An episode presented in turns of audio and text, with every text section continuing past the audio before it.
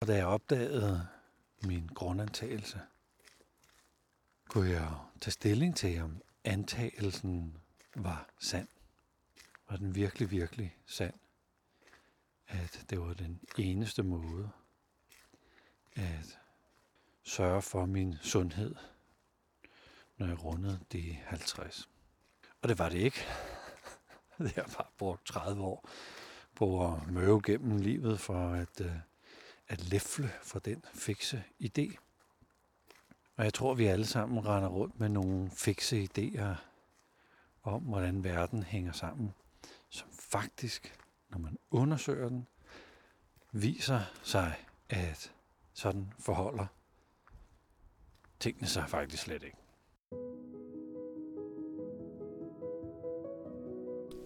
Velkommen til Hverdagsbilgrim. Mit navn det er Flemming Christensen.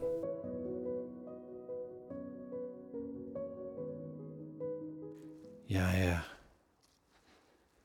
jeg er ude at gå, og jeg har besluttet mig at gå på nogle af de emner, som er en del af en række, en workshop-række, som jeg arrangerer sammen med Ida, der er direktør for Vilvorte Kursuscenter.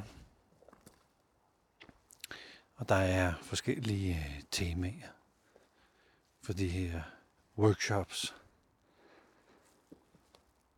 Og et af temaerne handler om at forstå sin modstand mod forandring.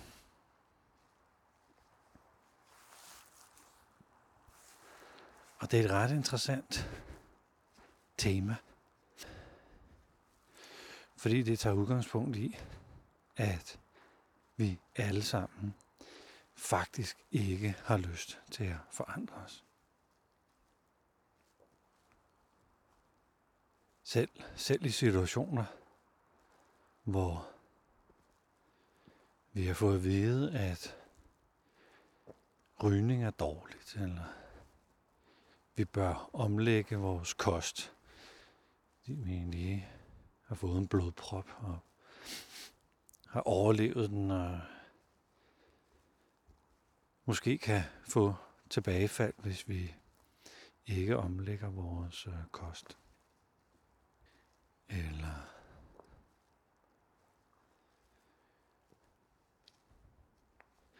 ja, eller på et tidspunkt så sprang min øh, kildscene, og Jeg fik jo at vide, at hvis jeg skulle gå på den, skulle jeg træne den op. Så med mit hoved kunne jeg godt forstå det.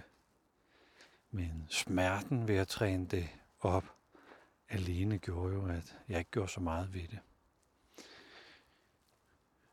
Hvilket så bare kostede mere smerte et par år senere, når jeg sådan virkelig, virkelig, virkelig skulle have smedegjort. Så der kan jo være fysisk smerte, og der kan være følelser. Følelser. Jeg kender en historie om en, der ikke ville spise sit, uh,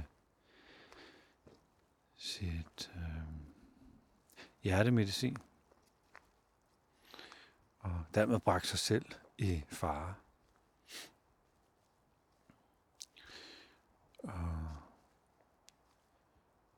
Det gjorde han, fordi han følte, at hvis han gjorde det, så var han gammel.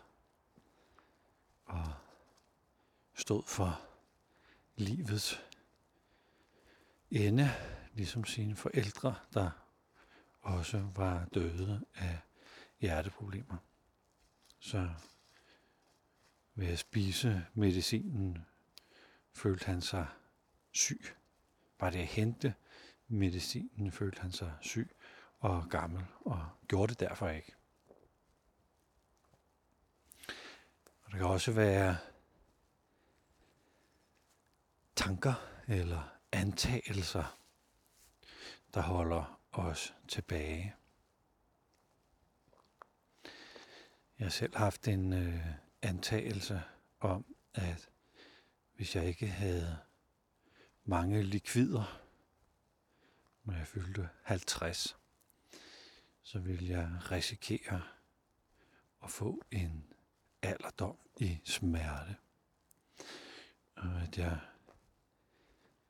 ikke havde ressourcerne til at komme hen og få den behandling, som var nødvendig.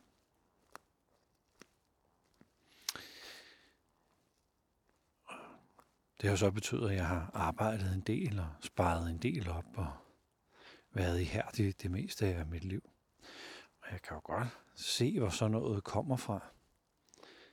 Jeg troede, jeg skulle leve længe med, med en partner, som desværre døde. Og det viser sig, at hvis vi var kommet et år tidligere til Basel, og bare havde haft pengene og suset derned,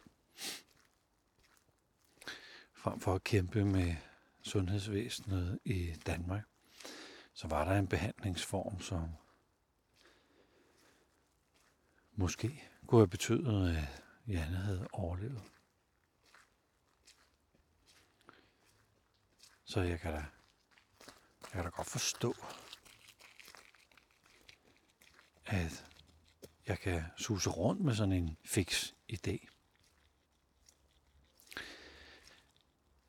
Men den fikse idé kan jo forhindre mig i at tage den med ro og have tid til min familie og pleje mit læme og få god søvn. Så da jeg opdagede det, den her antagelse, som man, når jeg arbejder med det, så kalder jeg det grundantagelse. Og det kommer fra en, øh, en metode, som Robert Keegan og Lisa LaHaye arbejder med, hvor de så kalder det en big assumption. Deres metode hedder Immunity to Change, og som egentlig går på at forstå, hvad er det for en, en modstand, nærmest aversion, nærmest indbygget immunforsvar, vi har mod at tage forandringer til sig, og så frastøde dem i stedet for, som et, et traditionelt immunsystem jo gør. Og da jeg opdagede min grundantagelse, kunne jeg tage stilling til, om antagelsen var sand. Var den virkelig, virkelig sand?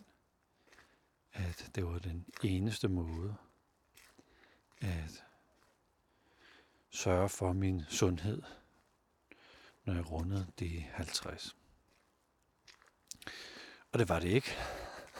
Jeg har bare brugt 30 år på at møve gennem livet for at, øh, at læfle for den fikse idé. Og jeg tror, vi alle sammen render rundt med nogle fikse idéer om, hvordan verden hænger sammen, som faktisk, når man undersøger den, viser sig, at sådan forholder tingene sig faktisk slet ikke. Det, det er ikke sådan, det er. Det ligner lidt sådan en undersøgelse af vilkår. Af det, man tror, der er et vilkår. Er det faktisk et vilkår? Eller er det noget, man kan gøre noget ved? Det kan også være, at der er noget, man tror er et problem, man kan gøre noget ved, så er det faktisk et vilkår, man overhovedet ikke kan gøre noget ved. Så der er også en menneskelig disciplin i at hætte ud af, hvad er det for noget, vi bare skal acceptere? Måske for en stund. Og så være i det her. Hvad er det, vi ikke skal acceptere? Og så mos på alligevel. Nede bag ved grundantagelsen ligger der en frygt. En frygt for et eller andet. En frygt for at miste noget som regel. eller være i sorg, eller i tab, eller i modgang. Eller undgå noget. Sådan det, der ligger i, i frygten. Så det typiske er, at man naturligvis ikke har lyst til at berøre det, fordi det er ubehageligt at berøre. For mit vedkommende skamfuldt at, at opdage. Jeg har moset på hele mit liv for at lægge penge til side, for at have penge nok til at kunne flyve på det hospital eller til, til den læge, som nu kunne løse den sygdom, jeg måtte få, når jeg blev gammel. Det skamfulde var, at, øh, at jeg måske havde arbejdet så meget, at jeg ikke havde haft tid til at se de dejlige mennesker, der er i mit liv. Så skam eller pinligheden havde måske oprindeligt gjort, at jeg ikke af mig selv havde, havde undersøgt det, eller været nysgerrig nok på den del.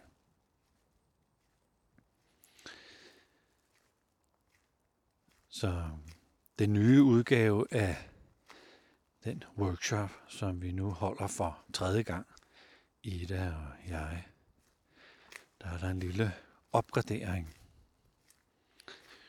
på at undersøge, hvad er det for en ubehagelig ting, man antager, man vil komme til at udsætte sig selv for ved at foretage ændringen. Og det er sådan en dejlig omvendt måde at se det på.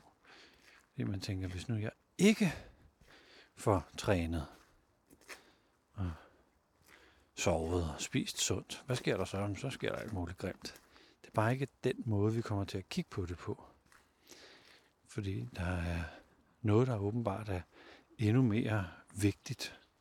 Der er et commitment til noget, der er vigtigere end at have en, øh, en øh, sund krop.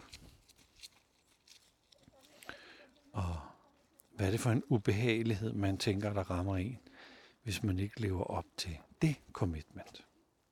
Så der er sådan forskellige hierarkier af antagelser, af ting, der er vigtige for os, og ting, der, som vi er committed til, som deltagerne på den her